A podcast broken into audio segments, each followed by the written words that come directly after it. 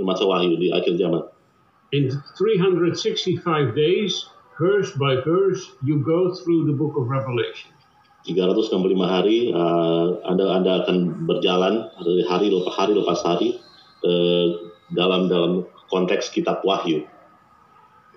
Uh, that final book of the Bible is very important. Akhir uh, kitab uh, akhir uh, kitab dalam dalam Alkitab uh, sangat-sangatlah penting. For centuries, it remained almost a closed book in the church. Selama ratusan tahun uh, merupakan buku yang paling jarang dibahas uh, di, di gereja-gereja. Or it became a kind of thing that the sects tried to use. Jadi Wahyu ini kadang-kadang menjadi kitab yang sering kali digunakan oleh uh, banyak sekte untuk uh, kemudian ditafsirkan. To develop a kind of eschatological science fiction. Untuk kemudian uh, diformulasikan menjadikan fiksi-fiksi uh, tentang eskatologi. But the book of Revelation is given by Jesus Christ himself. Tapi buku uh, kitab Wahyu ini diturunkan dari Yesus uh, sendiri. To be a comfort to the church. Untuk menjadikan uh, penghiburan bagi gereja-gereja. He wants the church to understand. He wants the church to understand what is happening in the final days. Ia ingin gereja mengerti apakah apa yang akan terjadi di hari-hari akhir. So I wrote a book 570 pages about it. So jadi saya menulis buku ini uh, sebanyak uh, 570 uh, halaman. Because we are living in the end times. Karena kita saat ini hidup di akhir zaman. Um, the theme today is why end times. Tema hari ini adalah uh, mengapa akhir zaman. Sometimes people say why end times. Kadang-kadang orang bertanya-tanya kenapa akhir zaman. How do you know that we are living in the end times? Bagaimana kita tahu kalau kita saat ini berada di akhir zaman? When did these end times start? Dan kapankah atau uh, kapan uh, akhir zaman ini dimulai? Periode akhir zaman ini dimulai.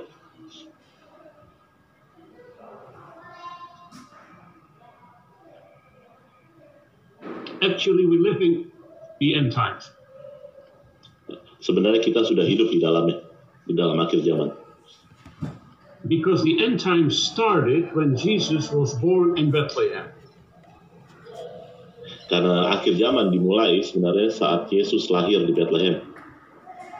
In the book of Hebrews, in the first chapter, in the first verse, you read this.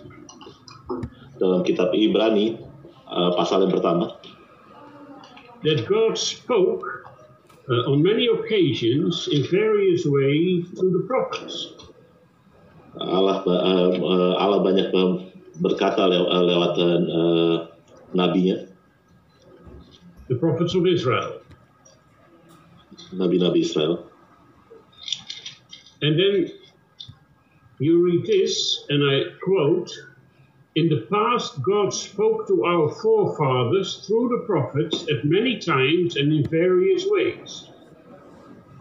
Dan Allah banyak uh, menyampaikan kepada nabi-nabinya dalam uh, uh, banyak di, di banyak kesempatan lewat banyak kejadian-kejadian. But in these last days, He has spoken to us in or by His Son. Tetapi pada hari-hari uh, akhir ini ia banyak berbicara pada kita semua lewat anaknya Yesus Kristus. So in these last days, these final days, he has spoken in and through Jesus Christ. Jadi dalam hari-hari uh, ini di akhir zaman ini ia banyak berbicara lewat putranya Yesus Kristus. When Jesus was born, the clock of the last days started to tick. Jadi ketika Yesus lahir, uh, detik uh, pertama dari akhir uh, dari masa akhir zaman itu dimulai. And the clock is ticking almost 2000 years now. Jadi saat sejak saat itu uh, waktu ini uh, berjalan hampir 2000 tahun lamanya.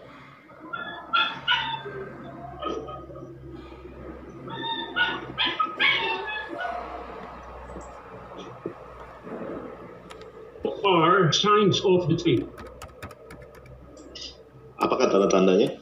It, uh, how do we know uh, that we are living in the end of the last days? Bagaimana kita bisa tahu kalau kita hidup di akhir zaman? Because there are the signs of the times. Karena ada tanda-tanda uh, tanda-tanda akhir zaman. This expression, signs of the times, you read in uh, Matthew 16. Tanda-tanda akhir zaman ini dapat anda, uh, anda baca di Matius 16. Jesus uses that term, signs of the times.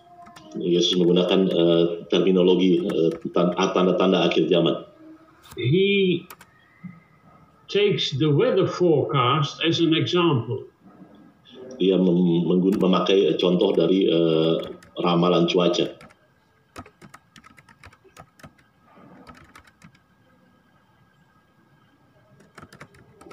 In Holland, the weathercast is very popular in the news and television. Uh, di Belanda, this makes this is connect. Uh, in Holland, the weather yeah. forecast, when you watch the television or the news, is very uh, popular. Uh, kalau anda lihat uh, ramalan cuaca di Belanda sangatlah populer. We living in a in a cold country. Kita hidup di sini di negara yang sangat dingin. And we always want to know, will we have some sunshine tomorrow? Kita di Belanda sangat ingin tahu apakah besok akan ada matahari atau uh, berawan atau hujan. Or will it be again rain and fog and snow? Oh ya, atau akan hujan, atau akan berkabut, atau akan bersalju. Now today, people are very clever to give prediction about the weather. hari-hari ini orang-orang uh, sangatlah uh, pintar atau mumpuni untuk uh, memprediksikan uh, tentang cuaca.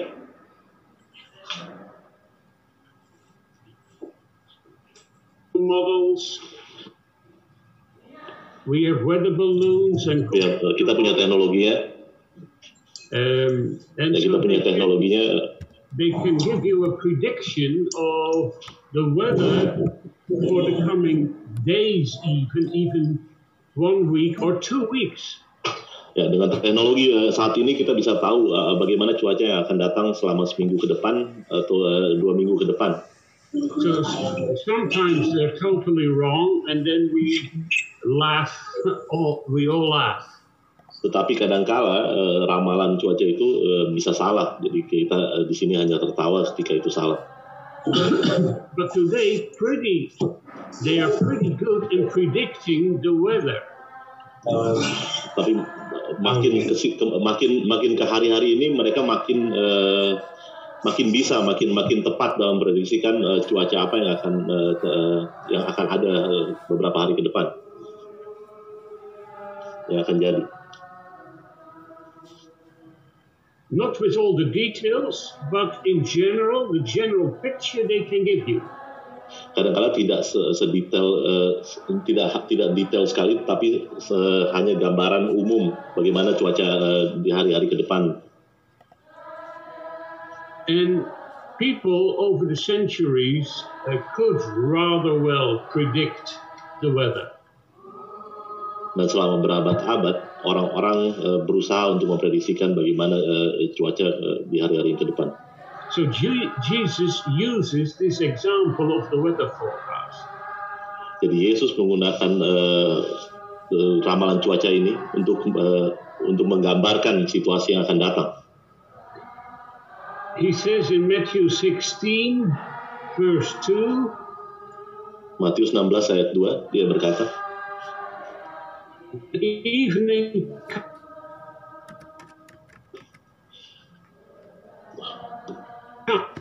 um, you say it will be fair weather, for the sky is red. Appearance of the sky, but you cannot interpret the signs of the times.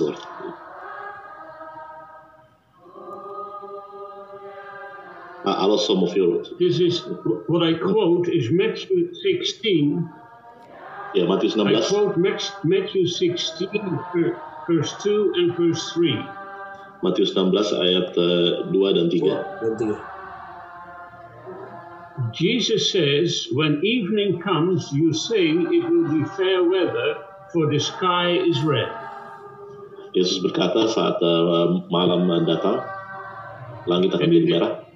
And in the evening, in the morning, today it will be stormy, for the sky is red and over. Dan akan datang badai di, di pagi hari.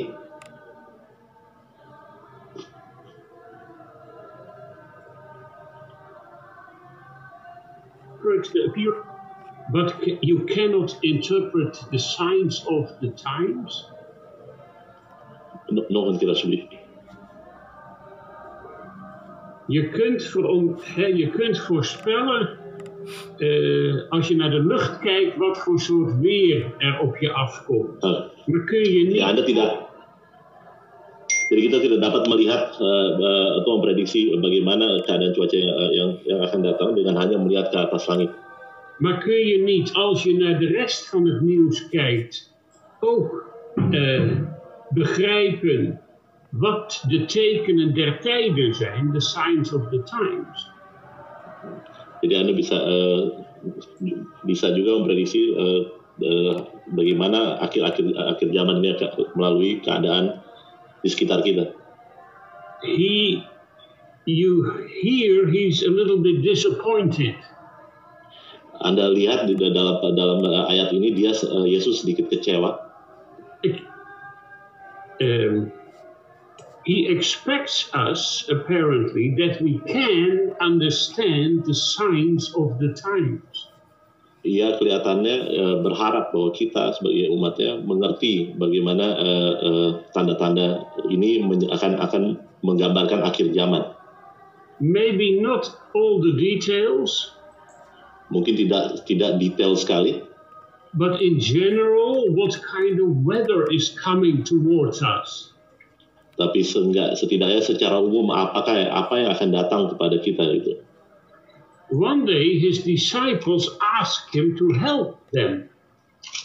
Pada suatu hari muridnya bertanya kepada dia untuk membantu untuk membantu you can mereka. read it in Matthew 24. Anda bisa uh, baca di Matius 24. His disciples asked him this question. Muridnya bertanya kepadanya pertanyaan ini.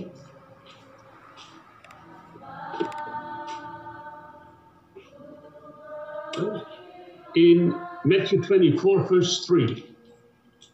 Matius 24 and in Matthew 21, verse 3, you read, as Jesus was sitting on the Mount of Olives, the disciples came uh, to him privately. Tell us, they said, when will this happen, and what will be the signs of your coming and of the end of the age? Saat Yesus sedang duduk di uh, Bukit Zaitun, muridnya bertanya, apakah yang apakah tanda-tanda yang akan menyertai uh, akhir zaman? So they ask him, What will be the sign of your coming?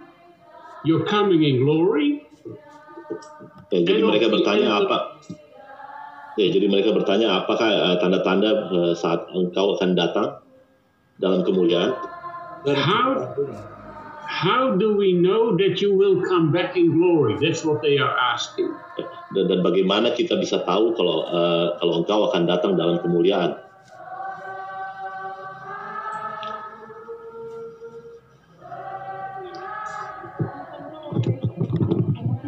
When is this world, this step, what is the end of the age? How do we know?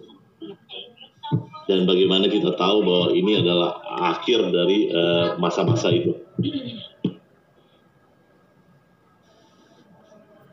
How do we know that you're coming in glory? Jadi bagaimana kita tahu kalau kalau anda kalau kalau engkau akan datang dalam kemuliaan? How do we understand the signs of the times? Bagaimana kita bisa mengerti bahwa inilah tanda-tandanya. And then Jesus gives a long list of signs of the times. Dan kemudian Yesus memberikan daftar panjang dari tanda-tanda tersebut. So he is answering this question. Jadi saat itu dia menjawab pertanyaan ini. So all the signs of the times that he is mentioning are in the framework of his coming in glory. Jadi semua tanda-tanda yang diberikan yang dijelaskan olehnya menggambarkan uh, sebuah uh, bingkai bagaimana ia akan datang uh, dalam kemuliaan. When you go through these signs of the times, Jika In Anda the- mengecek and I've written a book on the signs of the times as well, di mana saya telah uh, menulis buku tentang tanda-tanda akhir zaman. we should never forget this is all about understanding when Jesus is coming in glory. Kita tidak boleh lupa uh, bahwa ini menggunakan uh, suatu pengertian uh, di mana Yesus akan datang dalam kemuliaannya. So actually, these signs of the times contain a positive message. Jadi sebenarnya tanda-tanda akhir zaman ini mengandung uh, makna-makna positif. They point towards the coming of the Lord. yang akan uh, menjelaskan bagaimana uh, uh, Allah akan datang.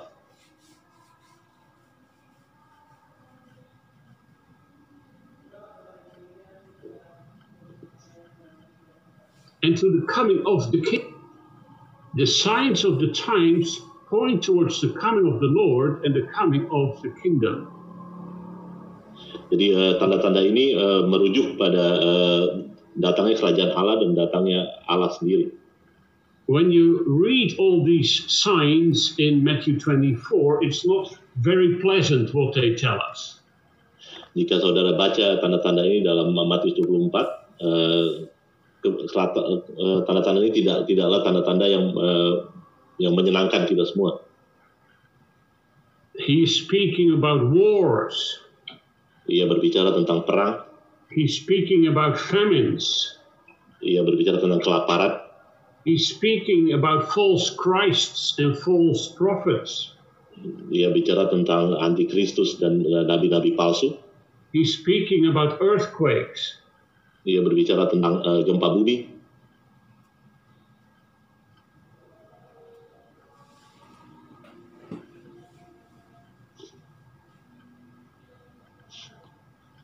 He's speaking about persecution and that we will be hated by all the nations.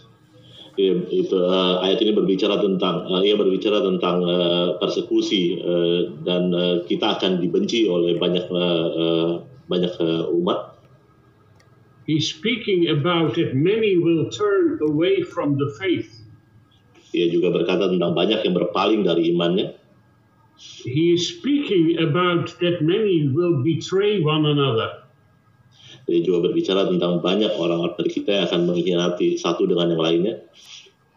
He's speaking about lawlessness and love growing cold. Ia juga berkata tentang uh, kasih yang menjadi uh, kaki yang menjadi apa da- datar dan uh, He is speaking about an abomination that causes desolation standing in the holy place. Dia juga berbicara tentang ti- tidak adanya uh, uh, hukum dan dia juga akan ber- berbicara tentang uh, apa namanya blasphemy uh, penghujatan uh, In 24, verse Yeah. 15. So when you see standing in the holy place the abomination that causes desolation. okay, uh, So in the midst of in the midst of Jerusalem, there will be standing something that he is calling an abomination. Oke, Something jadi di, Yerusalem akan berdiri sesuatu yang yang yang yang sangat sangat sangat eh, simbol ketidakbaikan, simbol-simbol eh, penghinaan. So he's speaking about a lot of bad things that are coming towards planet Earth. Ya, jadi dia, bicara tentang banyak hal-hal yang tidak baik yang akan datang eh, ke eh, ke, dal- ke bumi. But in Luke um, uh, nine, uh, 21, and you find Jesus uh, speaking in Matthew 24, in Luke uh, 21, and in Mark 13 about these Ditulis juga di things that are coming. ditulis juga di di eh, Markus eh, 30. And in Luke, in Luke uh, 21, he says that the nations will be full of fear for the things that are coming towards planet Earth. Lukas 21 menulis uh, bahwa bangsa-bangsa akan takut uh, tentang apa yang akan terjadi di, di bumi. But he says to us, when these things start to happen, then you must understand that your redemption is coming very near now. Uh, dia juga berkata jika ini terjadi kepada kita semua, kita sudah mengerti bahwa uh, penebusan itu akan terjadi.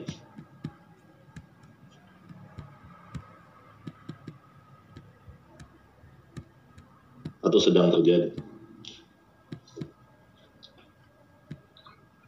So for us as believers, all these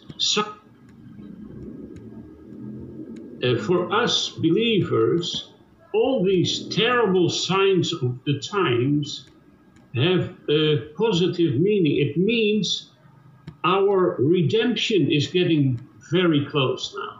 Jadi buat kita orang percaya eh, hal-hal yang tidak baik ini akan terjadi eh, memiliki makna positif karena dengan begitu eh, pintu penebusan akan datang. Um, in the long list of signs of the times, in the end times, there are two positive signs. Di antara tanda-tanda ini adalah ada dua tanda yang positif. Number one is this. Yang pertama adalah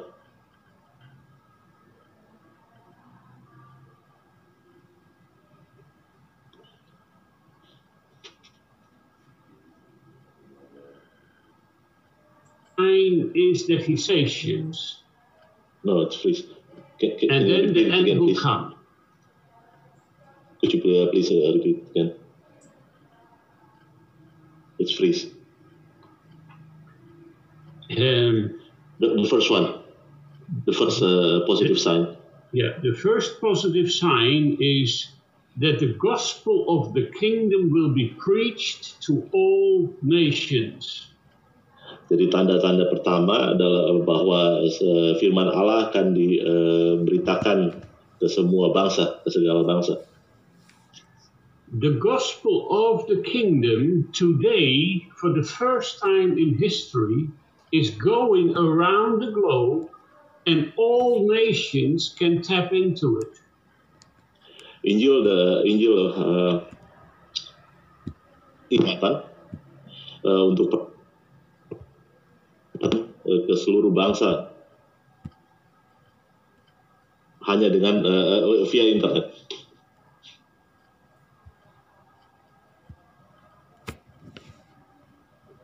By television, by radio. Yeah. The message of the, of the kingdom is going around the globe. That has never happened before in the history of the world. Jadi belum pernah terjadi sebelumnya bahwa firman Allah bisa diberitakan dengan teknologi yang ada ke seluruh dunia lewat televisi, radio, internet. All nations can can get connected to that message. Segala bangsa bisa terkoneksi dengan dengan, dengan pesan dengan dengan firman tersebut. We are sitting here on different sides of the globe. Kita saat ini uh, duduk di tempat-tempat yang berbeda di seluruh dunia but we can hear and understand, you all can hear and understand what I'm tapi kita bisa saling mendengar uh, satu dan lainnya apa yang dibicara, yang dibicarakan uh, oleh uh, William di Belanda. So that's a very positive sign. Jadi itu tanda yang positif. Uh, Jesus did not say that every individual will first hear the gospel of the kingdom, but the nations would be able to tap into that. Nah, Yesus tidak berkata tentang individu, tapi berkata tentang bangsa-bangsa yang akan uh, bisa mendengar hanya dengan uh, dengan sentuhan uh, jari. And today, in practically all the major languages of the world, you can listen through your internet, through radio, television, uh, to the messages about Jesus. Saat ini uh, apa pun bahasanya, apa pun di mana pun uh, kita berada, kita bisa mendengar uh, firman Allah diberitakan. And Jesus says to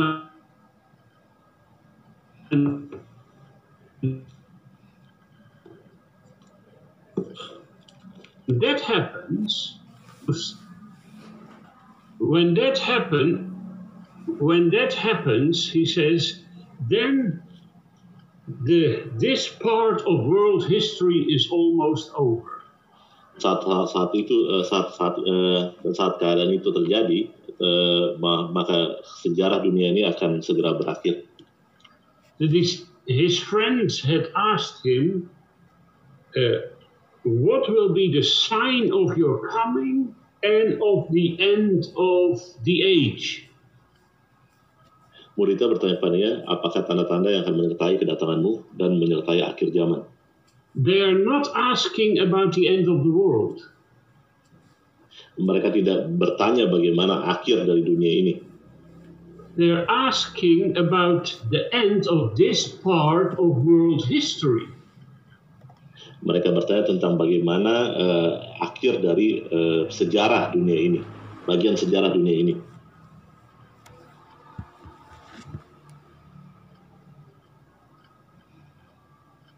They ask when will this terrible part of world history finally be over with all these wars and all these sicknesses and all these other stuff? When will that finally be over? And when will the next part of world history begin? Mereka bertanya tentang kapan hal-hal yang tidak hal-hal yang yang yang uh, tragedi-tragedi akan akan datang dan kapan uh, dunia baru akan dimulai. And Jesus says when the gospel of the kingdom go around the world then you're getting very close to the end of this part of books. Uh, Yesus berkata saat firman saat firman diberitakan sampai ujung uh, ke ujung bumi atau uh, secara global maka uh, itulah tanda bahwa uh, sejarah dunia ini akan segera And then the next part of world history will begin.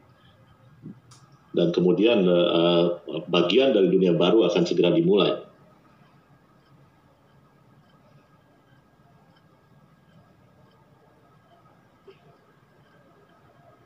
then I come in glory. Because then I will personally come in glory, and I will bring in the kingdom of peace and righteousness on earth. Saat itulah aku akan datang dalam kemuliaan dan aku akan uh, memulai uh, dunia yang baru. So that's positive sign number one. Jadi itulah tanda baik yang pertama. Positive sign, positive sign number two is this. Hal positif yang kedua adalah He says, watch the fig tree. And the fig tree is one of the pictures in the Bible for Israel. Ia berkata tentang sebuah kemenangan dan kemenangan identik dengan uh, di dengan Israel.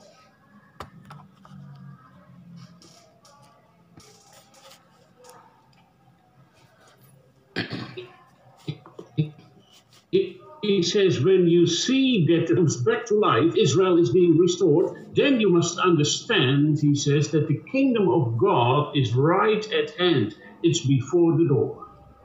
Jadi ketika saudara-saudara melihat bahwa Israel direstorasi, dipulihkan, maka, maka itu adalah salah satu tanda, eh, adalah tanda bahwa uh, uh, sejarah dunia ini akan berakhir. So, we are a very special generation. Jadi kita semua adalah generasi yang uh, sangat spesial. We all around the globe see the return of the Jewish people back to the promised land. Di mana kita uh, di generasi ini bisa melihat kembalinya uh, umat Israel atau orang-orang Israel balik kembali ke tanah perjanjian. We are a generation that sees prophecies being fulfilled before our eyes as we kita generasi yang bisa secara langsung dengan mata eh, kita sendiri melihat bagaimana penggenapan nubuat-nubuatan.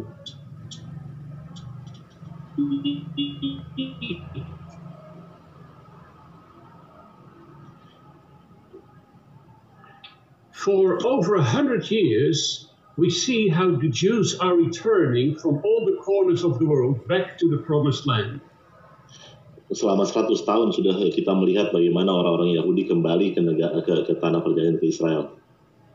In Isaiah 43, which is one of the many prophecies that speak about this, Yesaya 43 di mana banyak nubuatan yang, yang memakai uh, ayat ini. You read that from the north and the south and the east and they would come back to Israel. Bagaimana tertulis uh, dari utara dan selatan, dari timur dan barat, semua akan kembali ke Israel. And when you hear north, south, east, west, of course, Israel in Jerusalem. Jadi ketika Anda uh, mendengar tentang barat, timur, utara, dan selatan, Anda harus meletakkan uh, kaki Anda di uh, Yerusalem.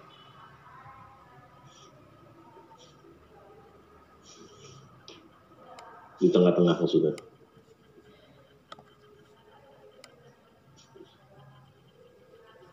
And so then uh, from Israel, from Jerusalem, look at the map of the world to the north and the south and the east and the west. Jadi uh, konteksnya da, da, jika anda bila, uh, di Yerusalem anda berada di tengah-tengah dunia, anda bisa lihat ke barat, ke, ke timur, ke utara dan ke selatan. Isaiah 43 says that they would come from the east, meaning from the Middle East and from the Far East. Ya, jadi uh, Yesaya 43 berkata mereka akan datang dari timur, yang berarti dari uh, timur jauh dan dari, uh, dari uh, timur tengah. And that the Jews would return from the west. Dan uh, dia juga berkata bahwa orang-orang Yahudi akan kembali dari uh, barat. And the west, of course, is Europe and the America. Dan itu uh, menggambarkan tentang uh, Eropa dan Amerika.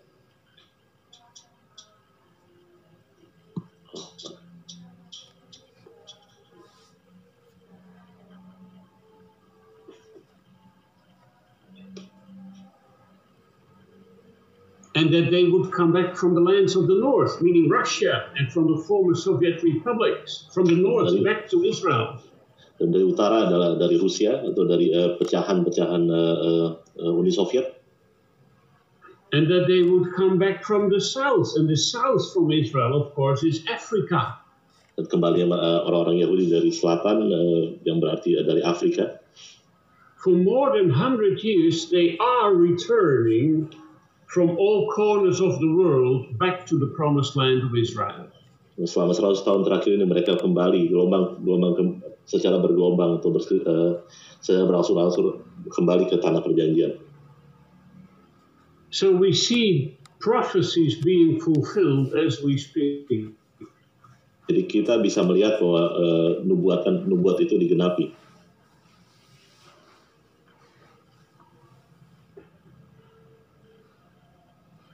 we see how the victory is coming back to life. Jadi kita bisa lihat bagaimana kemenangan itu uh, dihidupkan kembali, uh, kembali. All the other, kembali. all these other signs of the times that Jesus mentions have been with us for 2,000 years now. Jadi tanda-tanda yang disebutkan Yesus ini telah uh, telah ada dalam dalam dalam sejarah kita selama 2000 tahun lamanya. Although, when you look at all these general signs of the times, you see how they intensify in our days, how the statistics, if you put them on statistics, are steeply on the rise. Sedangkan uh, jika kita lihat tanda-tanda uh, uh, ini di akhir-akhir ini semakin hari semakin intens, semakin intens terjadi.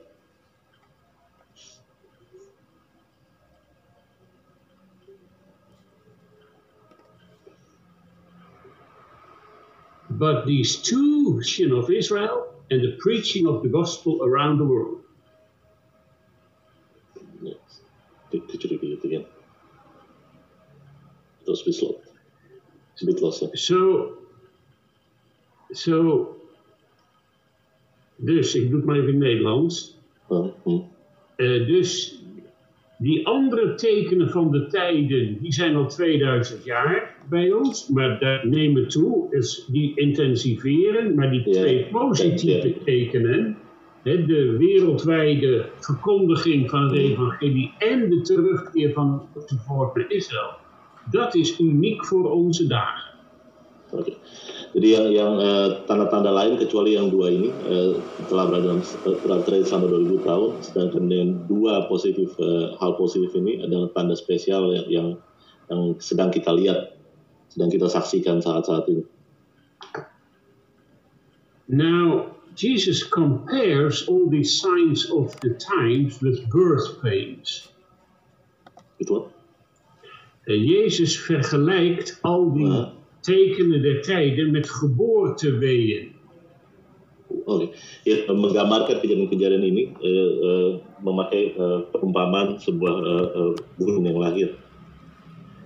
En iedere moeder en de vader die erbij staat, weet wat geboorteweeën zijn.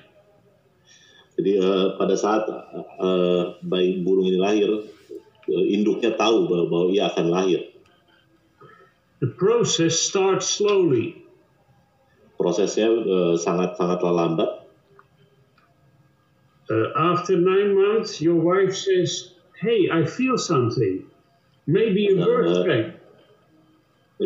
Dan, dan, dan dalam fase-fase uh, uh, mengandung hamil, hamil uh, itu uh, apa namanya selama 9 bulan, se seorang ibu tahu bahwa bahwa uh, bayinya akan akan segera lahir.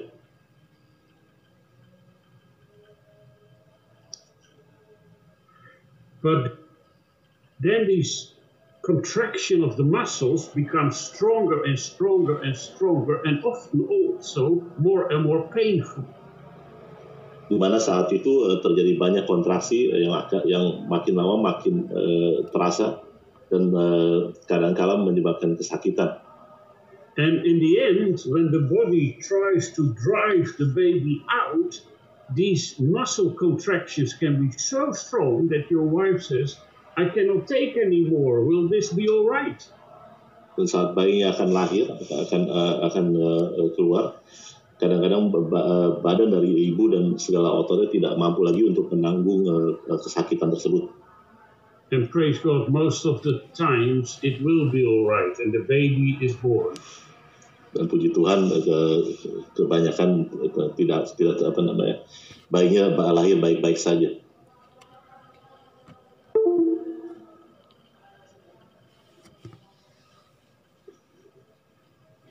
And then the pain is soon forgotten.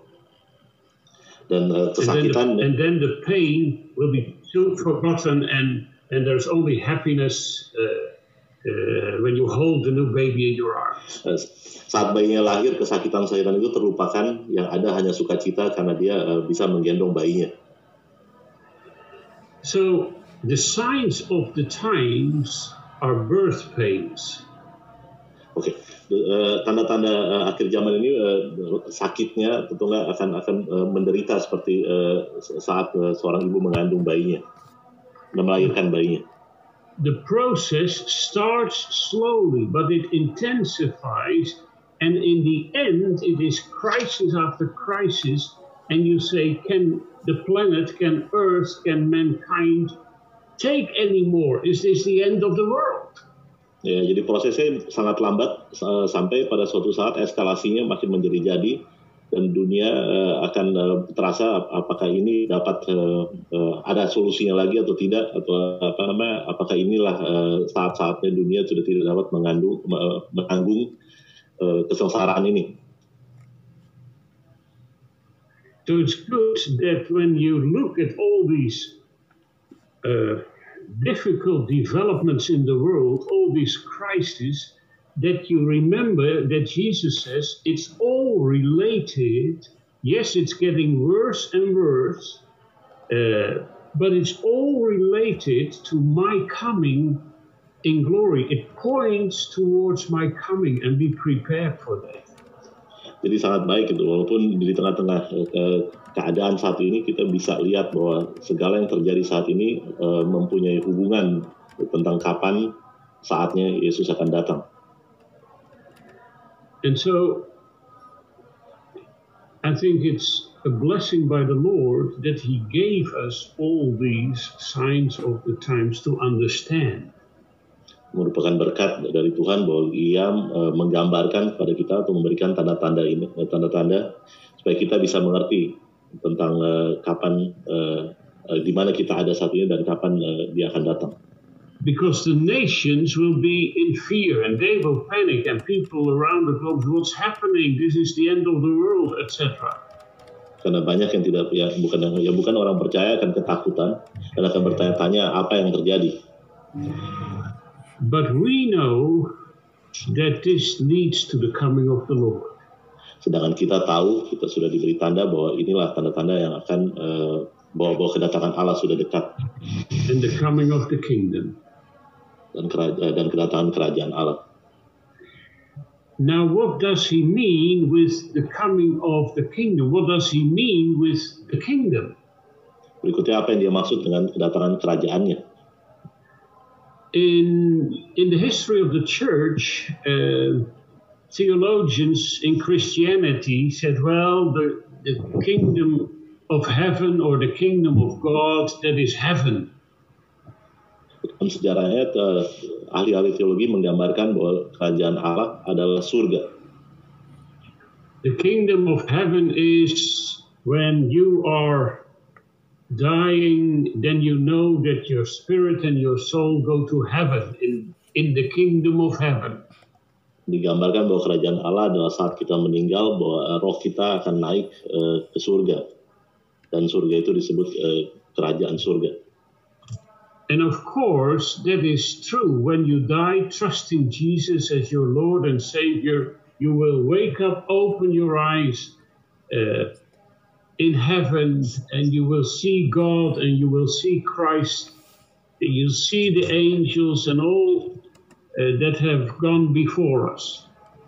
Tentu saja kalau kita percaya dan kita meninggal, kita akan bertemu dengan Allah, kita akan berada di, di, di tempat, eh, kita akan membuka mata dan kita akan melihat uh, kemuliaannya.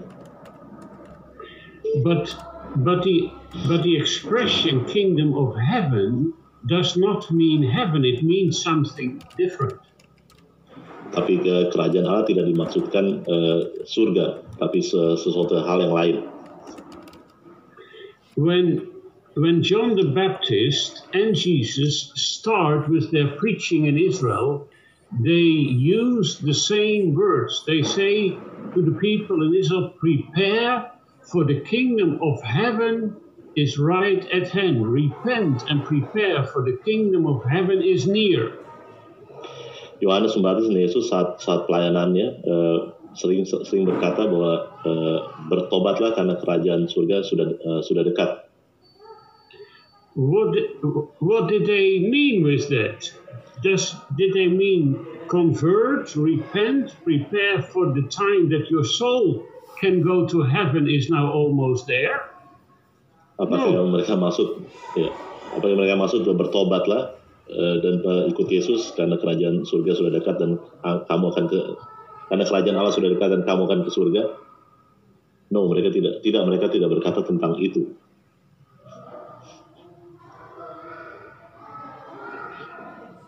They said this beautiful king, they said, this beautiful kingdom that all the prophets in the Bible speak about, that kingdom on earth with peace and righteousness, is coming very close now.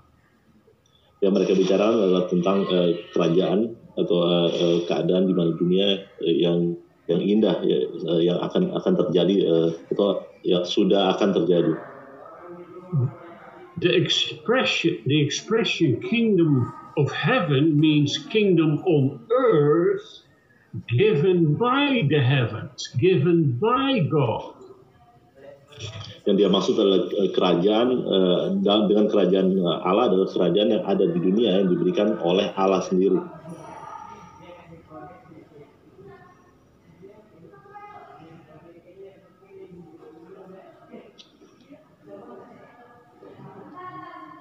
putus lagi. Um, that's why this. That's why Jesus, when he when he teaches his disciples how to pray, he says, "You pray like this: Our Father who art in heaven, hallowed be your name. Your kingdom come. Your will be done. Where on earth as it is in heaven." Maka dalam doa Bapa kami, Yesus mengajarkan doa itu dan berkata bahwa kerajaan Allah di bumi. So sebagaimana di surga. Both Jesus and John, both Jesus and John the Baptist say, and that beautiful kingdom of peace and righteousness on earth is now very close. Why did they say that? Because the king of that kingdom, Jesus Christ, entered into Israel. Ya, karena Yesus uh, uh, ada di Israel, maka Yohanes Pembaptis Yesus uh, memberitakan firman saat itu tentang kerajaan dunia yang yang ada uh, di, di yang diciptakanlah dan adanya di dunia.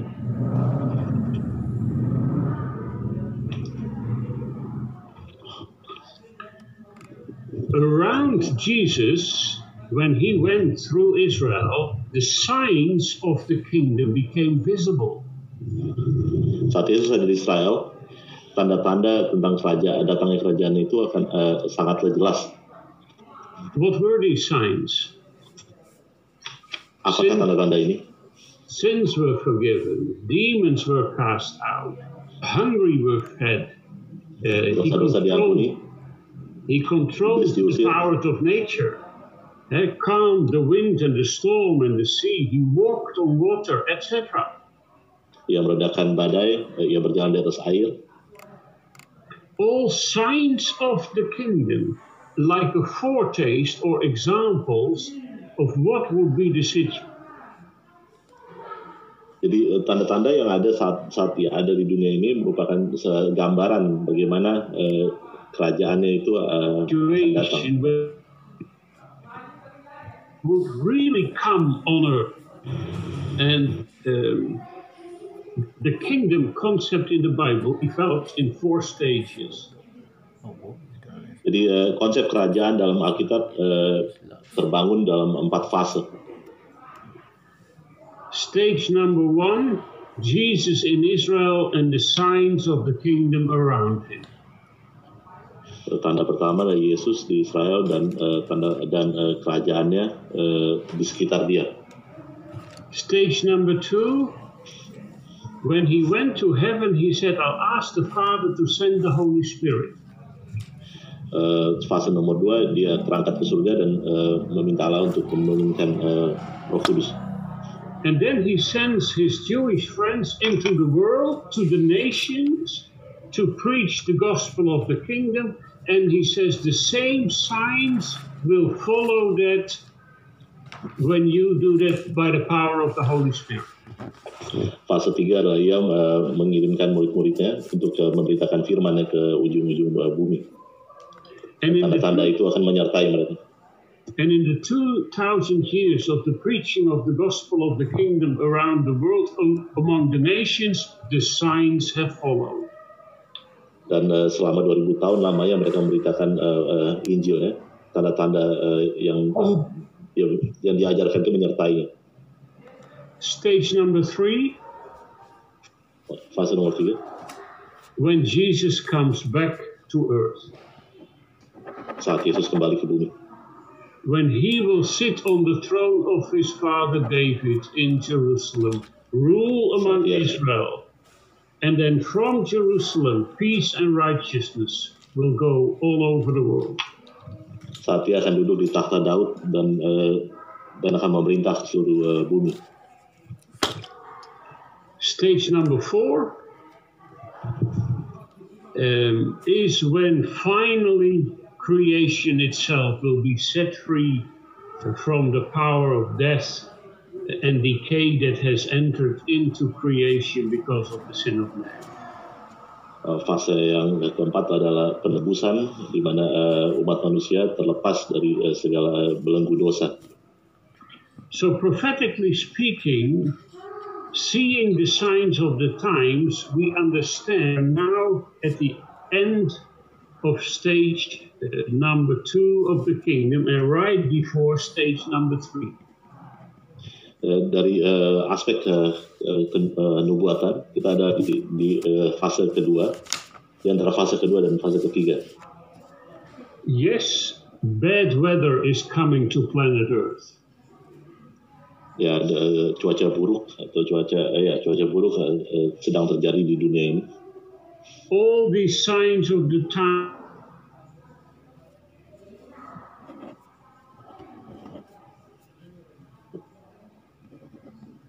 times will intensify. Jadi tanda-tanda ini akan eh, menjadi-jadi dari hari lepas dari hari ke hari. Akan semakin intens. Yes, there, yes, there will be a unity of the world. Dan akan ada dunia yang Yes. bersatu. Yes, there will be Antichrist. Akan ada antikris. Yes, a lot of other bad things are coming upon planet Earth. Dan banyak hal-hal buruk lain yang akan terjadi di dunia ini. But they're all signs of the coming of Jesus.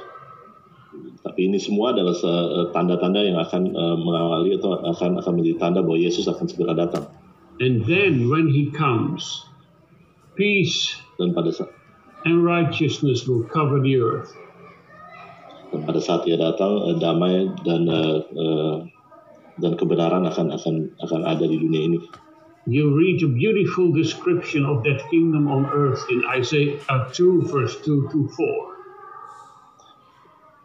4. Asia Isaiah Asia itu chapter 2, verses 2 to 4.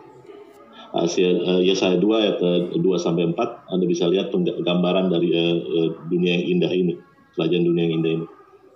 Then you see that the nations will walk in the light of the law of Torah.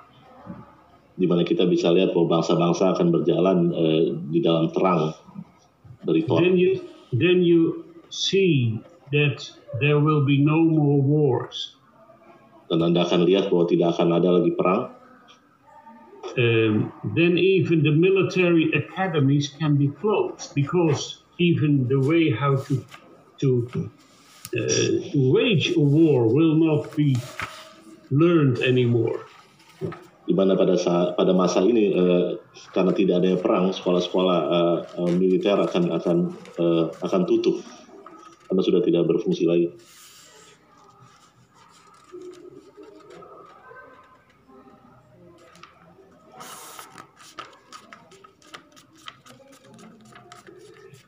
So Israel is the greatest sign of people. The existence of the state of Israel is the greatest sign of hope the world has ever seen. Jadi kembali ya rakyat eh, bangsa Israel bangsa Israel ke tanah perjanjian dan eh, eh, what, what- what was the other? The return and then We can see now that Jesus is coming soon. Dengan kembali bangsa Israel ke tanah perjanjian kita bisa lihat bahwa Yesus akan segera datang. Because because the Jews are returning, Jesus wants to meet them there. Karena eh, umat Yahudi kembali ke tanahnya dan Yesus ingin bertemu dengan mereka di, eh, di, di tempat itu. And then he will take then he will take the blindness and the deafness from their ears. saat itulah saat itulah ia akan akan akan membukakan mata mereka dan akan eh, eh, membukakan telinga mereka. And they will suddenly see who? Yeah. Then you read, when you read Zechariah 12 verse 10 to 14 you read that then he will open their eyes and open their ears so that they understand who Jesus really is jadi saat itu ia akan membukakan mata mereka dan eh, membukakan telinga mereka jadi mereka bisa men- me- mendengar dan melihat eh, karya-karya baik dan, dan kebenarannya. So living today is living in the end of times. Jadi kita hidup di hari ini hidup di eh, akhir zaman. We're almost at the end of this stage of world history kita eh, berada di di hampir di akhir dari dari dari sejarah dunia And we are almost at the beginning of the next stage of world history. dan kita hampir berada di eh, awal di, di permulaan dari eh, sejarah dunia berikutnya. So let's preach the gospel of the kingdom to the nation as strongly as we possibly can because there's not much time left anymore. Jadi mari beritakan firman Allah ini ke se- segala bangsa karena kita tidak mempunyai waktu yang banyak lagi. So preach the gospel even more intense now that you understand the signs of the times. lebih semangat lagi, lebih intens lagi beritakan Injil uh, kebenaran. Because Jesus is coming in glory. Karena Yesus akan datang dalam kemuliaannya. Okay, that's it for now. Oke, sekian dari saya. And I'm happy to have questions and answers. Dan saya sangat senang bila ada pertanyaan dari saudara-saudara sekalian. Ya. Baik. Terima kasih Pak Eski dan juga Pastor Willem. Eh, untuk teman-teman yang mau bertanya atau mungkin memberikan satu pandangan, disampaikan kasih du, satu termen pertama ini tiga penanya. Apakah ada yang mau bertanya dari kawan-kawan? Yang mau bertanya silakan dibuka mic-nya, unmute.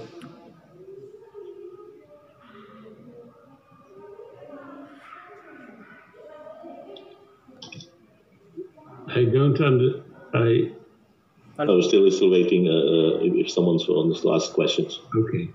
Halo. Oke, Pak Roy. Silakan, silakan. Ya. Yeah, thank you, Pastor uh, William, for explaining to us about the end times. So I have uh, two questions in this night. The first question: What is the role of the church in the last days? So what the church should do? And the second is uh, what what is the relationship between the church and Israel in the last day? Okay. Oke. Satu-satu atau kita mungkin lanjut langsung saja ya, silakan. Pak Pak Eski, silakan. Yeah, first the role and then Yeah. it was this, this, okay.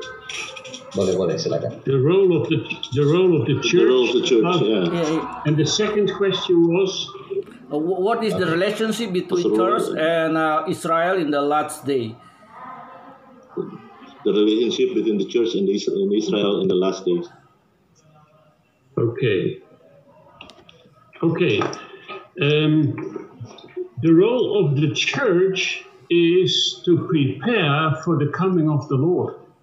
Terus, Jadi peran dari gereja adalah untuk menyiapkan jemaatnya uh, untuk uh, untuk kedatangan Kristus. Yeah. When Jesus comes, he expects a holy bride. Uh, saat Yesus datang, ia mengharapkan uh, mempelai uh, mempelainya yang kudus. Uh,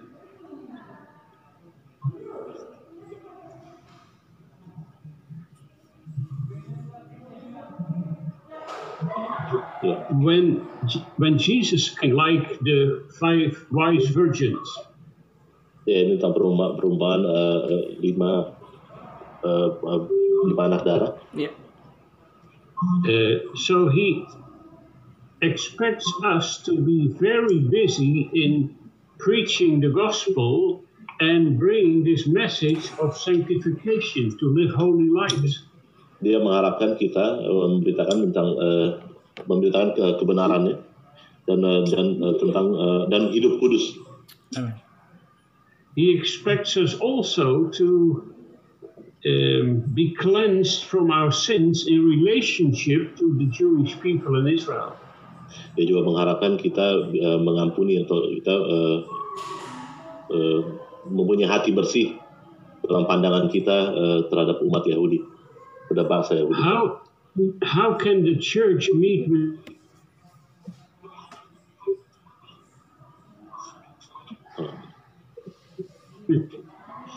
Jesus with Jewish blood upon her hands? Could you repeat it again? It, it was uh, storing. Um, the church cannot meet with Jesus with Jewish blood upon her hands. Voor bijna 2000 jaar heeft, eh, zijn de Joden verschrikkelijk vervolgd, met name in de landen van het christendom in Europa. En daar moeten we vergeving voor vragen en ons van laten reinigen. Oh ya, ini ini tentang em, beli- beliau bicara tentang bagaimana eh, banyak dari eh, eh, gereja-gereja memandang bahwa eh, umat Yahudi berperan dalam penyalipan eh, Yesus. Yesus, Oleh ya. karena itu, umat Yahudi eh, tidak mendapatkan tempat karena banyak dari kita menganggap bahwa kita lah Israel-Israel yang baru. Yeah. selama ribuan tahun atau ratusan tahun kita menanggung uh, atau mempunyai pandangan itu gitu untuk mem, uh, dalam sebagai tan, apa namanya syarat kedatangan kita untuk uh, uh, berperan dalam uh, dalam jemaat dalam gereja kita mesti bisa memaafkan umat Yahudi Yes. supaya kita juga dibersihkan dari hati yang kotor. Amen. And um, you might say, my church has done nothing wrong. I was always positive about the Jewish people. But I think Christianity at large should have the attitude that Daniel the prophet had uh, when he in his days saw that the people of Israel were re- returning to the promised land after the 70 years in Babylon, then he suddenly says, Lord, forgive my sins. And he had done nothing wrong. He was probably the most pious man on earth. And then he says, Lord, forgive the sins of my people. He identifies with the sins of his people. And then he said, Lord, forgive the sins of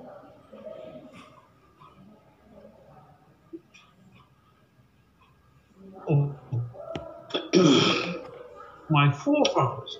He identified from whatever church we are, we should feel this urgency to repent, ask forgiveness of uh, God, and then change the way we are dealing with the Jewish people and with Israel. Seperti Daniel, dia juga minta pengampunan uh, atas bangsanya dan dia meminta pengampunan atas uh, uh, pendahulunya. Kita juga sebagai gereja, walaupun kita merasa benar, kita tidak merasa uh, kita memiliki salah terhadap Israel, kita harus mempunyai sikap seperti Daniel, meminta pengampunan atas apa yang uh, atas pandangan kita terhadap uh, bangsa Yahudi. Um, so that's the role of the church. Uh, how the church should relate to Israel today is, I think, first of all, pray for the peace of Jerusalem. Ya. Gereja uh, terkoneksi dengan Israel bisa juga dengan bisa dengan uh, berdoa untuk ke- kedamaian di Yerusalem. Secondly, secondly, bless the Jewish people. Amen.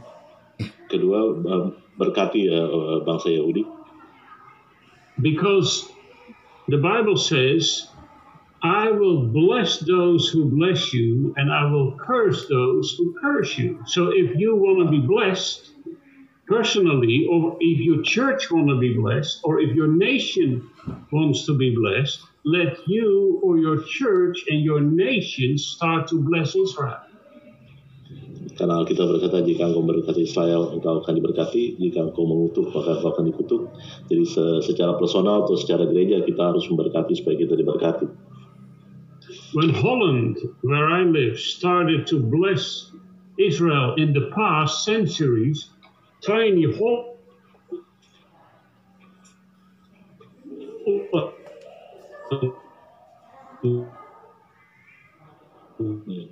was blessed very much.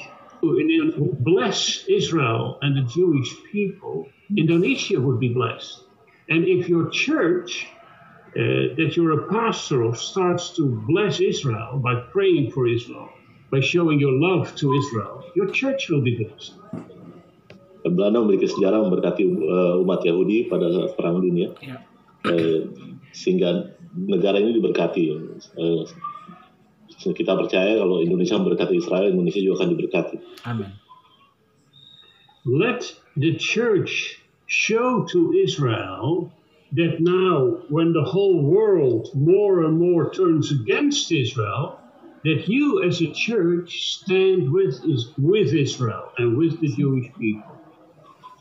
Mari kita sebagai gereja menunjukkan support kita terhadap Israel di saat dunia-dunia eh, menghujat mereka. Kita tunjukkan bahwa kita me- mendukung mereka.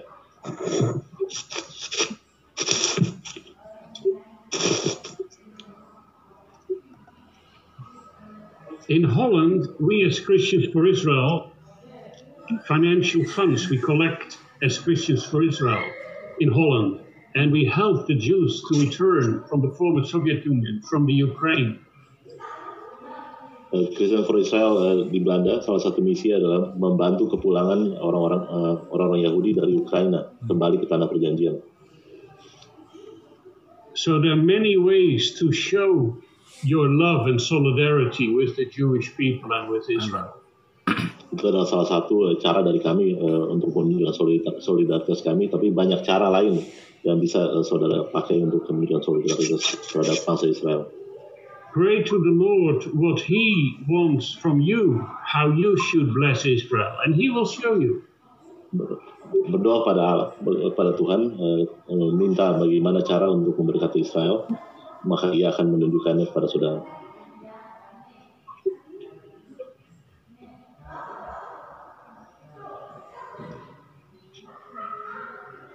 Okay, thank you. Maksudnya, ya. Sudah Pak Roy? Yeah. Ada lagi? And uh, last question is okay? Okay. Yeah. Yeah. And uh, last question is uh, you know uh, uh, af- after the the president uh, election in United States in uh, in America. Uh, there's the many uh, many people also a pastor and the theology theologian uh, they look the momentum is there uh, and they make a statement uh, united states is the epicentrum of the the end of the times. So actually i'm in uh, my position is uh, different with them uh, uh, i'm contra them in my statement because i said israel all, always is the epicentrum of the end of the time so i want to ask your opinion about uh, this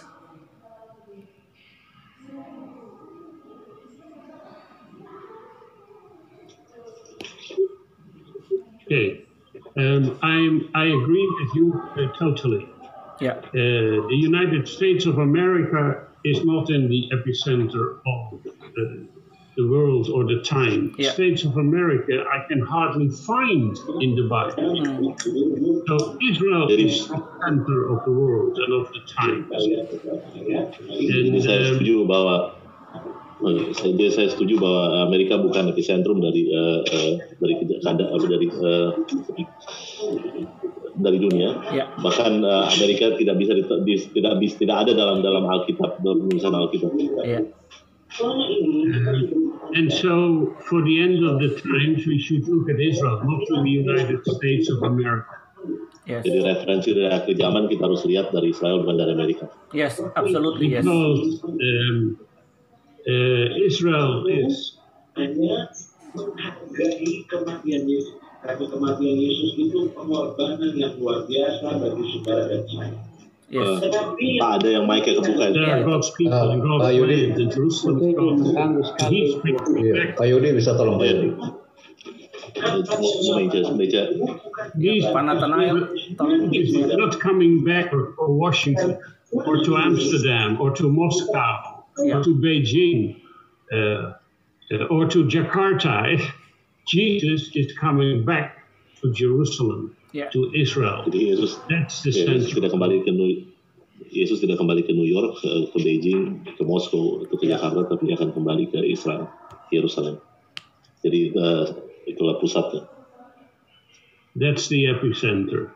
yes That's the epicenter. Thank you. Iya Oke.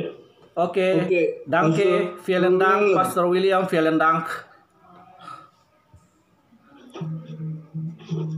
Terima kasih banyak. iya Oke, Pak Ferry kelihatannya mau bicara, Pak Ferry. Pak, Ya, saya uh, Pak Terima kasih. Rizky coba kasih tahu kota Israel sekarang pindah ke Yerusalem. Apa komentar Pak Willem?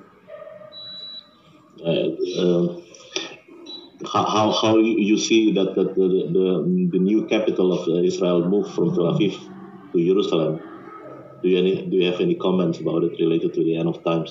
Uh, if I saw correctly, this was if I saw correctly, this was Pastor Ferry asking this question. Yeah, it's Pastor Ferry asking you. Yeah, correct. So, okay, good to see you again, Pastor Ferry. Yeah.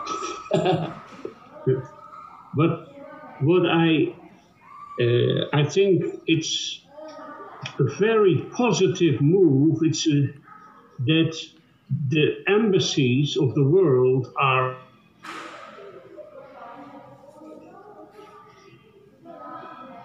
are returning to That's Israel, and um, and so I think uh, the United States of America gave a very good example here that they moved the U.S. embassy to Jerusalem. One day in the future, all the nations will send their ambassadors no longer to the United States of America or to the United Nations, because then, when Jesus has come in glory, Jerusalem will be the center of the world. And so they will send their ambassadors there. And so, in the meantime, to show you the respect for the future of God, that you as a nation, to bless Israel, move your embassy to Israel, the Lord will bless you for that. Ya, merupakan hal yang positif eh, dengan eh, dipindahkannya eh, kedutaan-kedutaan besar eh, dari Tel Aviv ke Yerusalem. Dan Amerika memberikan satu contoh eh, bagaimana mereka sangat suportif dengan eh, dengan Israel.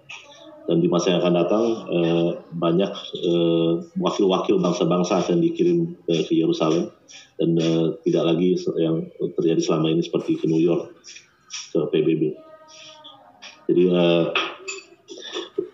di- dapat dilihat bila- negara mendukung eh, Israel mereka akan memindahkan eh, kedutaannya ke Yerusalem seperti Amerika dan beberapa negara lainnya.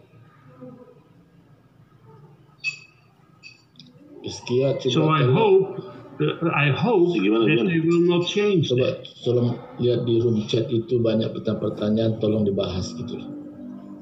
Sebentar. Baik Pak, nanti kita akan bahas Pak surat Sulbakti. Ini sebentar kita. Oke. Ya, baik. Nanti akan disampaikan Pak. Silakan Pak His. Dulu Pak. Okay, the next question, I think. Uh, so there's uh, Mr. Surbakti. Uh, he asks if uh, our uh, redemption or salvation is really uh, depending to Israel, and if we uh, not praying for Israel, is it is, is that means that we that the, salvation is out of us, it's not within us. Uh, isn't it enough if we uh, accepted Jesus Christ as our Savior? One day, all of Israel will accept Jesus as the Savior. Mhm. But he, meant he asked if if, it, if our salvation related to uh, to Israel. No, no. Our salvation is not related to Israel. You are saved by the blood of the Lamb. And so you are saved by your faith in Jesus Christ. What he did on the cross, by his death and his resurrection, you are saved by faith and by grace. But when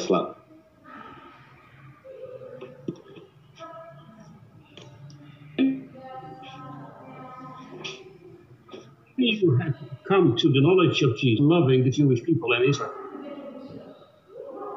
ya se- jadi keselamatannya nggak bergantung pada Israel tapi uh, uh, keselamatannya dari dari anugerah uh, dari Yesus sendiri gitu, dari Yesus sendiri.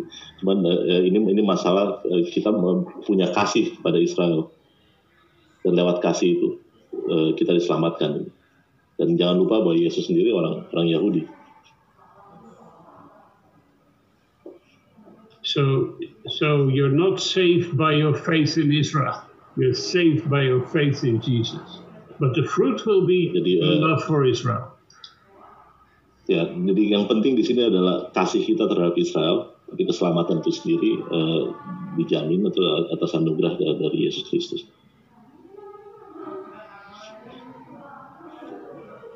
Ya. Makanya tadi kita bicara soal cleansing gitu, nggak mungkin ada apa namanya ada ada keselamatan kalau kita nggak ada nggak nggak bersih, tidak ada cleansing. Ya, Pak Surba- Surbakti sudah oke ya? Sudah. Atau belum gimana? Oke, Eh, oke, oke. Di atasnya ya, baik. Di atasnya ada juga tuh Pak His. Yang mana? Di atasnya Pak di bawahnya eh, Pak Bo- Pak Bobi Pangestu. Ya, ya. Okay. Okay, it's about uh, the UAE, UEA, uh, and, and uh, between UAE and uh, and, uh, and Israel and President Trump. So what you, what is your uh, opinion that they signed agreement within these three nations? The re, re, re, that there's a reunification. What do you think about it? Um, of the unification of Jerusalem. The no no no no not not unification. I think it's about uh, uh, the new even- relationship. The the the, the bilateral, no not bilateral, uh, no, the the new uh, relationship. The the Yeah, about uh, between uh, United Emirates Arab and Israel.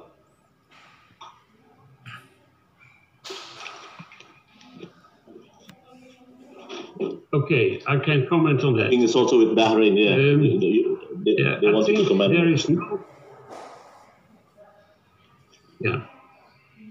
Uh, the new relationship with uh, the United Arab Emirates and with Bahrain and with Sudan and other Muslim countries uh, is, I think, very positive. And there is no reason why the descendants of Isaac, who is the forefather of the Jewish people, and the descendants of Ishmael, who is the forefather of the Arabs. There's no reason that they could could not uh, be good friends. Um, Isaac and Ishmael both buried their father in Hebron. Jadi eh, tidak ada eh, ini sangat positif dan tidak ada alasan eh, tidak When Abram, melihat bahwa keturunan Ishak dan dan keturunan Ismail tidak dapat menjadi teman yang baik. So uh, that would be wonderful when uh, they both had uh, their well father Abraham. Isaac, Isaac is uh, got the covenant, and Ishmael got the blessing of God to be a great nation and powerful. So they both got Yeah. something. So they could have a good relationship with each other. Jadi mereka dapat memiliki eh, relasi yang baik satu dengan yang lain karena mereka satu a- eh, satu keturunan satu ayah. Yang satu memegang perjanjian, satu memegang berkat. Ishak memegang perjanjian dan Ismail memegang berkat. You can read it in Genesis 17. Anda bisa baca da- dalam kejadian 17.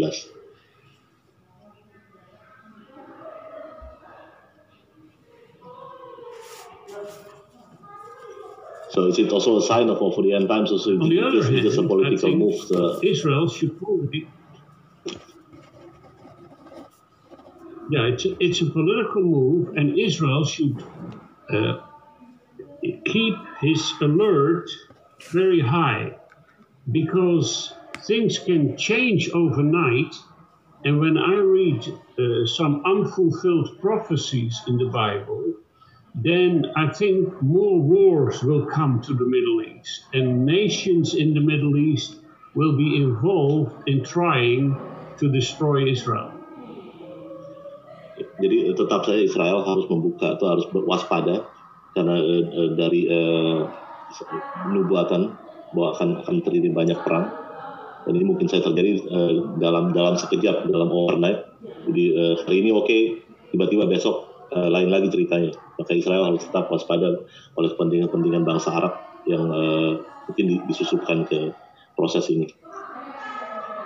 Proses perdamaian ini. Gimana But in itself, it's nice. Uh, better peace than war. samping itu lebih baik eh, ada perdamaian daripada peperangan.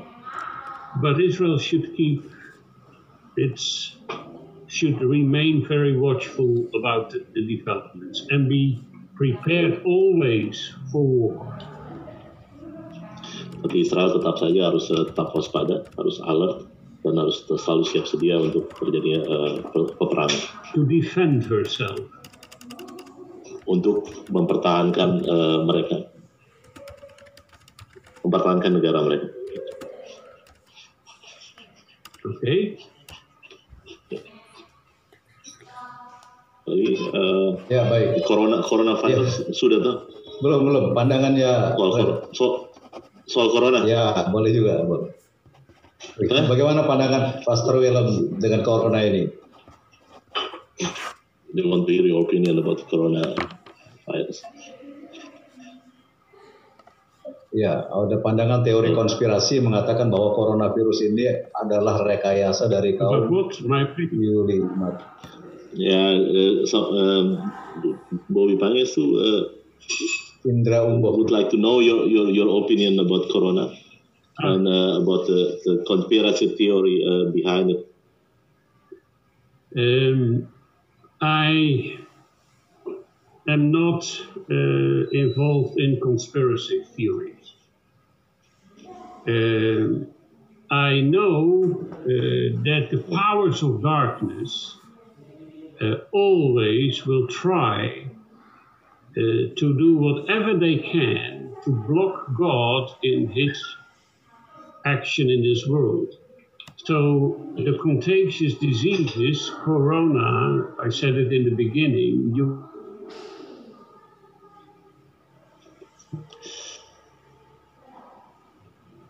can find in the Bible as one of to one world uh, uh, government in, in, the end. Um, so they, the political powers in the world will always now and in the future strive to come into full power uh, to deal with the problems in the world. So they will use also things like coronavirus um, in their advantage to become a more powerful government. And I think basically they mean well that the health of, of the nations can be uh, uh, increased. Uh, so, like a kind, so from the the angle of the powers of darkness, it could be a kind of sinister plot, but from the side, you also could uh, say measures to fight this worldwide disease. Okay. Jadi dia nggak, beliau tidak masuk ke soal konspirasi teori. Dia melihat lebih dari ke lebih ke kuasa kegelapan yang berusaha menghalangi uh, kehidupan normal di dunia ini. Tapi mungkin saja untuk kepentingan power dari suatu negara uh, ada hal-hal yang dimunculkan dan lewat uh, virus ini uh, ada pihak-pihak uh, yang berusaha uh, untuk uh, mendapatkan uh, kekuasaan lebih.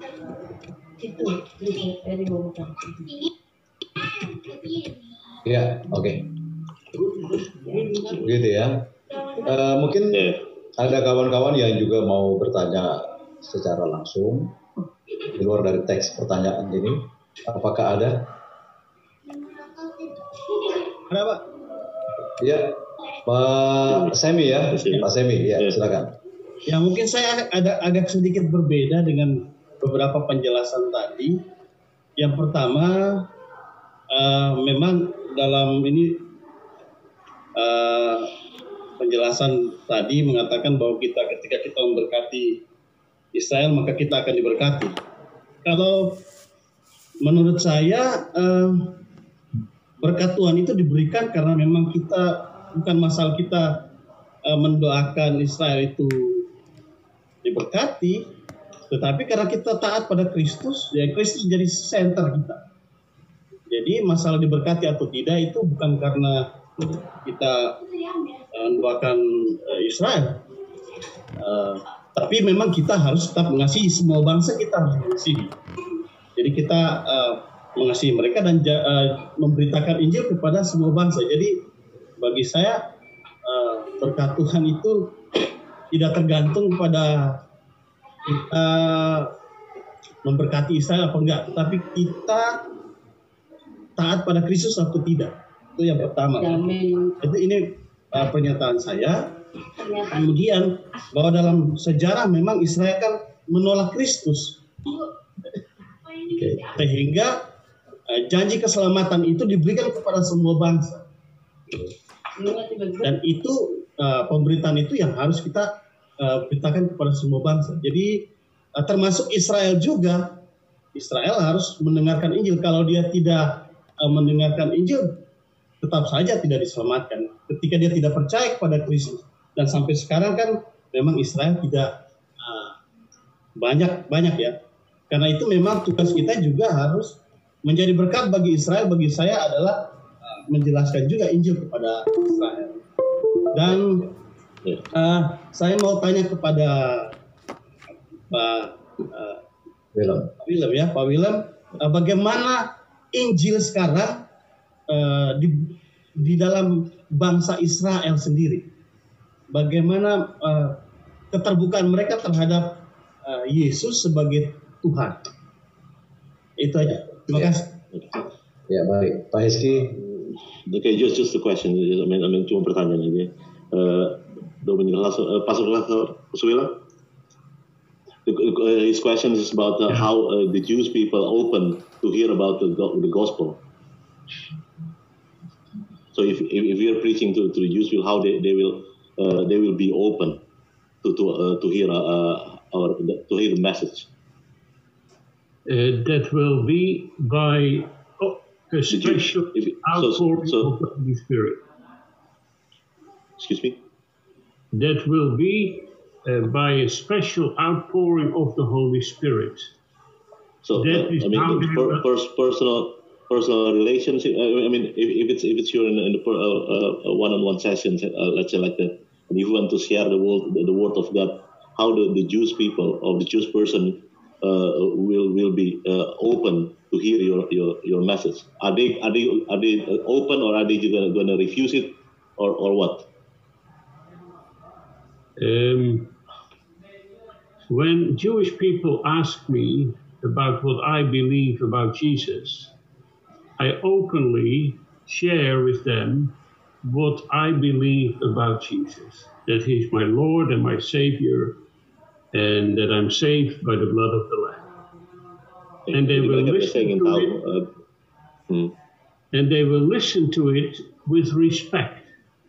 Um, that's not to say that they will uh, react in this sense that such a testimony will bring them to um, because there is a big mystery in the blindness and the deafness of the Jewish people. Um, Jesus. Zal ik e- even, even vertalen voor het uh, ja. volgende. Jadi uh, lewat pengalaman uh, saya juga uh, pernah uh, ada kayak ada sharing dengan mereka. Mereka dengarin dengar uh, uh, apa namanya sharing kita, sharing firman kita dengan dengan respect dengan penuh respect tapi uh, uh, lebih ke arah diskusi, lebih ke arah uh, uh, karena mereka lebih tahu sebenarnya dari kita uh, sesuai konteks keadaan. Jadi Alkitab ditulis di, di Israel dan mereka lebih tahu dari kita. Dan uh, ada misteri yang yang yang yang di Alkitab ditulis tentang uh, tertutupnya mereka tinggal mereka dan uh, mata mereka. The Apostle Paul tried everything in the book of Acts he went to the synagogues first. He preached the blisters on his tongue to convince his fellow Jewish people who Jesus is. Uh, Jadi Paulus telah mencoba untuk memberitakan firman-Nya uh, dengan sampai dibilang lidahnya uh, keluh uh, untuk untuk mencoba membuat uh, atau membukakan mata uh, dan membukakan mata dan telinga orang-orang Yahudi Next. But somehow they didn't get it. Didn't get it. Tapi uh, mereka tidak tidak tidak mengerti. Um, there is a mystery in the blindness and the deafness of the Jews. Paul, Jadi ada ada misteri di di balik uh, ke, uh, apa namanya buta dan dan dan ketulian mereka. observant Jews are not without God. They are no heathens like we are. But they have a blind spot for who Jesus is. So Jews are not without God, but they have a blind spot somewhere who Jesus is. Uh, they are no tidak bisa melihat. Yeah. They uh, so Paul, in the end, in Romans 11, he comes to this conclusion. Because you need revelation to see who Jesus really is. And he Jadi tried Roma 11, everything. uh, Roma 11 Paulus menulis perlu uh, revelation untuk melihat atau untuk mengerti siapakah Yesus. You can teach a person everything about the Christian faith, but if revelation does not take place, you will simply not see it. Jadi kita bisa saya mem- membagikan suatu atau uh, mengajarkan seseorang uh, tentang firman tentang, tentang ya tentang firman. Tapi kalau seorang orang yang kita kita ajarkan itu tidak memiliki pewahyuan, tidak mendapatkan pewahyuan, mungkin saya dia hanya mendengar tapi tidak percaya. When Jesus asked his disciples, Who do the people say I am? They say, Well, they say this prophet or that prophet. And then Yesus bertanya kepada muridnya, siapakah aku? Mereka menjawab, oke, uh, nabi, guru. and then he asked Peter, But what do you say? Dan ketika ia bertanya kepada Petrus, And then Peter says, You're the Christ, the Son of the dan Petrus berkata, engkau adalah uh, anak Allah, putra Allah. the living God. And immediately Dan Allah, So you so when Jesus asked Peter, Who do you say that I am? Peter says, You're the Christ, the Son of the living God. And then Jesus immediately says, No man can teach you such a thing. But my Father who's in heaven gave you the revelation. And that's why you saat, know. Pet- saat Petrus berkata bahwa engkau dan engkau anak Allah, bahwa- dan Yesus pun uh, uh, langsung uh, berkata bahwa tidak ada yang dapat mengajarkan ini kecuali uh, sesuatu yang diturunkan Allah sendiri. Now, after Paul has tried everything to convince them who Jesus is, he finally starts to understand that, that there is a mystery going on. And the mystery is that God gave them a spirit of stupor, eyes so that they could not see, and ears so that they could not hear till this very day. Jadi sampai saat ini mereka masih tertutup matanya dan telinga mereka masih tidak bisa mendengar sehingga mereka tidak mengerti siapakah Yesus. Will that blindness and deafness for Jesus be always there? No. Apakah kebutaan dan ketulian itu akan akan selalu uh, ada pada mereka? Tidak. Because at the end of chapter 11, Romans 11, he says, I do not want you to be ignorant of this mystery, brothers, so that you may not be conceited Israel has experienced a hardening in part,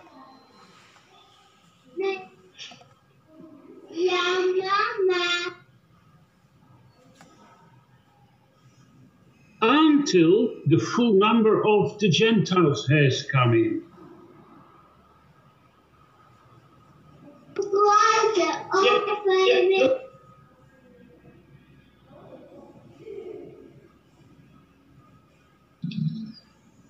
jaringannya ya. I think there are a lot Yeah. of problems with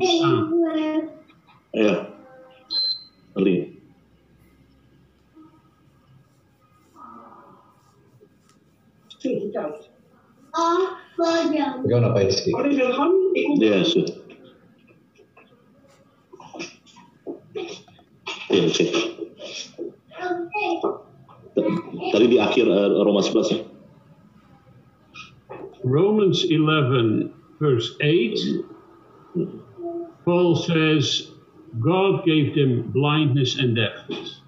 Ya, Roma 8 ayat, eh, Roma 11 ayat, Roma, ya, ayat, sebelas- ayat 8 eh, eh, Paulus berkata bahwa Allah eh, sendiri yang membuat mereka buta dan tuli tidak melihat dan menjadi atau mendengar.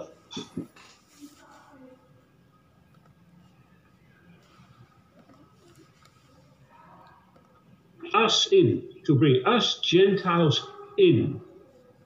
Mengapa? Tujuannya untuk membawa kita orang-orang non Yahudi untuk dapat masuk ke dalam eh, rencananya.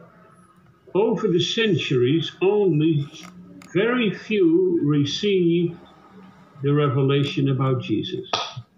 Dan selama, berta- selama ratusan tahun hanya beberapa yang dapat menerima pewahyuan tentang Kristus. And this will be the case until the full number from the Gentiles, like you and me, have been saved. Dan ini akan akan akan uh, tetap seperti ini sampai uh, seluruh uh, yang non Yahudi telah mendengar firman-Nya. Barulah akan uh, ada uh, proses atau fase ke umat Yahudi sendiri. Ya. And when the full number of the Gentiles have been saved, and only God knows when that is, then he will return to Israel and give the Holy Spirit to Israel, and then all Israel shall be saved. Jika ia telah selesai dengan non Yahudi maka ia sendiri akan uh, akan bekerja untuk umat Yahudi dan dan saat itulah kita tidak tahu kapan uh, seluruh Yah- seluruh umat Yahudi akan mendengar tentang firman. But it's we, I need more time to carefully explain that.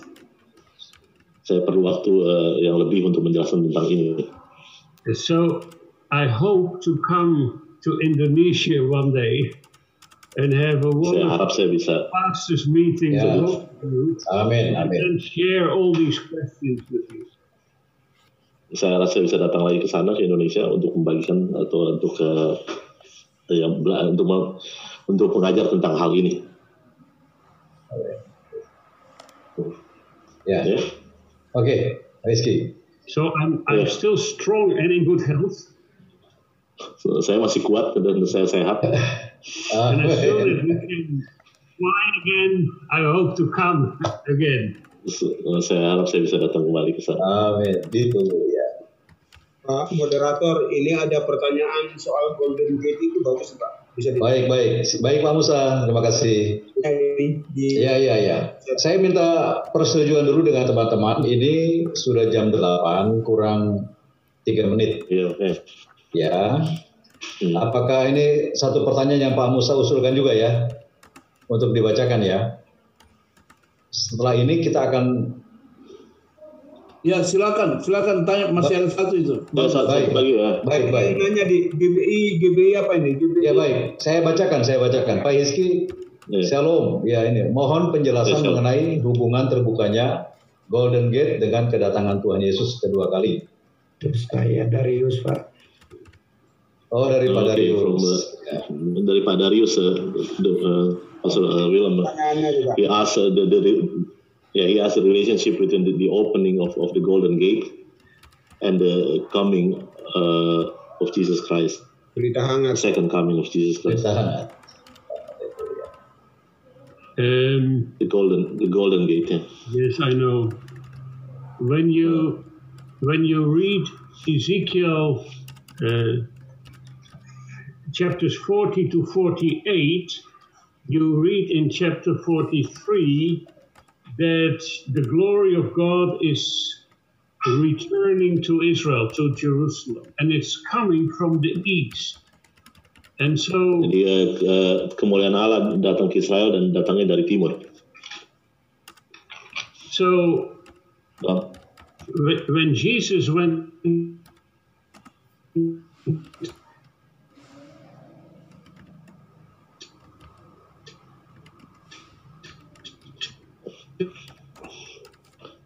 to the heavens in he comes back he will again come on the mount of olives.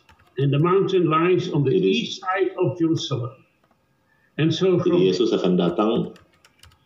So from the east side, he will go uh, to Jerusalem and enter into the final temple.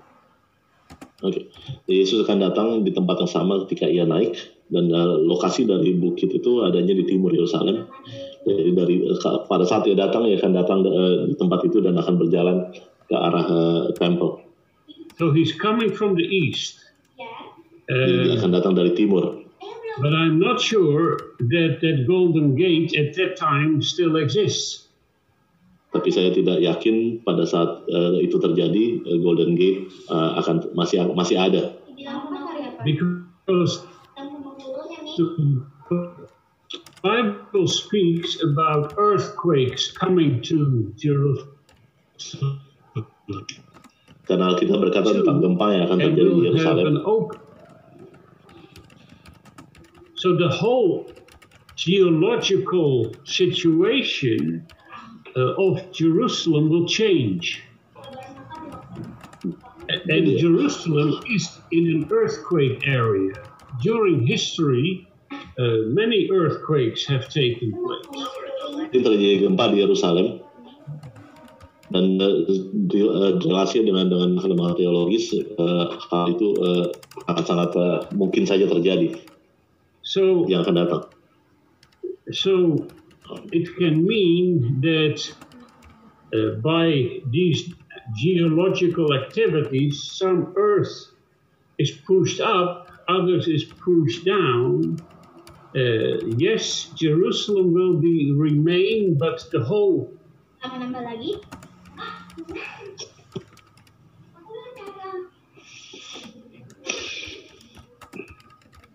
uh, situation from the Mount of Olives, from the east, he, he will go into the city, but whether there still are these ancient walls that the Muslims built around Jerusalem, for me, that's a question. Ya, jadi masih uh, perlu dipertanyakan apakah pada saatnya nanti uh, tembok ini atau, uh, atau area ini masih masih tetap ada karena ada secara aspek geologis dan uh, nubuatan Alkitab mungkin saja akan terjadi gempa lagi di Yerusalem. Um, you read in uh, Ezekiel 43 Di Ezekiel uh, 43 uh, in verse 1 Then the man brought me to the gate facing east, and I saw the glory of the God of Israel coming from the east. ayat And the glory of the Lord and the temple to through the gate facing east. Then uh, gate on the east, the glory of the Lord will enter into Jerusalem. And uh, but whether dari timur kemuliaan Allah akan masuk ke dalam Yerusalem. But whether that are still these ancient Muslim walls around Jerusalem, I'm not so sure about that because of the earthquakes and other geological activities that will take place there. Jadi uh, beliau tidak yakin apakah uh, keadaan memang sesama uh, ketika hal itu akan terjadi. Hal itu terjadi. The book of Revelation speaks about an earthquake in Jerusalem and that 7,000 people will be killed at that time. Dan di kitab di kitab Wahyu tertulis bahwa akan terjadi gempa di Yerusalem dan 7.000 orang akan uh, menjadi korbannya. Ya. Baik. Ya. Reno? baik baik. Terima kasih Pak Iski. Eh, saya kira ada satu lagi tadi nyundul-nyundul terakhir ya. Ayat 2 Hmm. Eh, sorry sorry.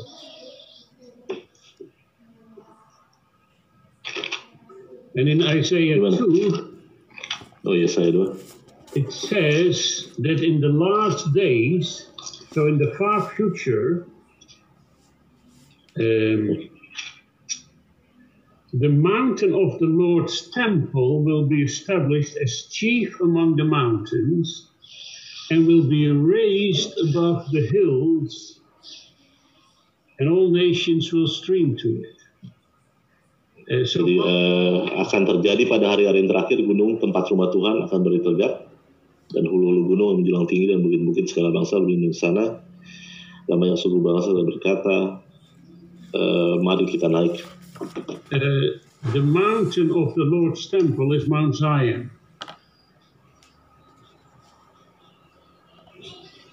Adalah uh, tempat di mana uh, uh, bait Allah. Um, so, the temple, the, the mountain of the Lord's temple is. You today stand on the Mount of Olives, you look down on the temple square. So the Mount Zion is not berdiri di the hills over there. Jadi Gunung Sion bukan tempat yang paling tinggi. Eh, jika Anda berdiri di eh, Bukit Zaitun, Anda melihat ke bawahnya dan itulah eh, square-nya. Um, but then it will be raised above the hills. So the center will come up by earthquake or what, and will be raised and will be the highest of the tops over there. Dan dikatakan tempat itu akan naik dan mungkin saja karena gempa hal itu akan terjadi.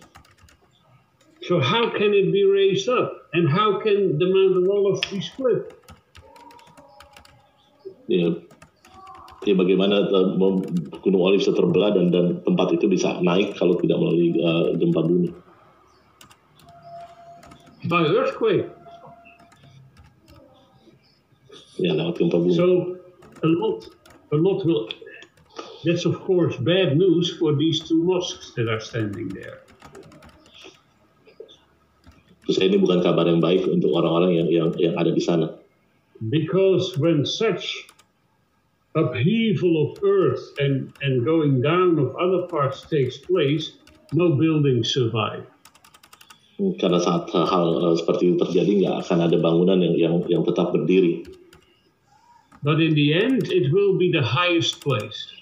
And the Tapi pada akhirnya Lord will stand there. And then from the east, he will come through the east gate to enter. Dan pada akhirnya tempat itu akan menjadi tempat yang paling tinggi di eh, Yerusalem dan eh, bait Allah akan berdiri di sana.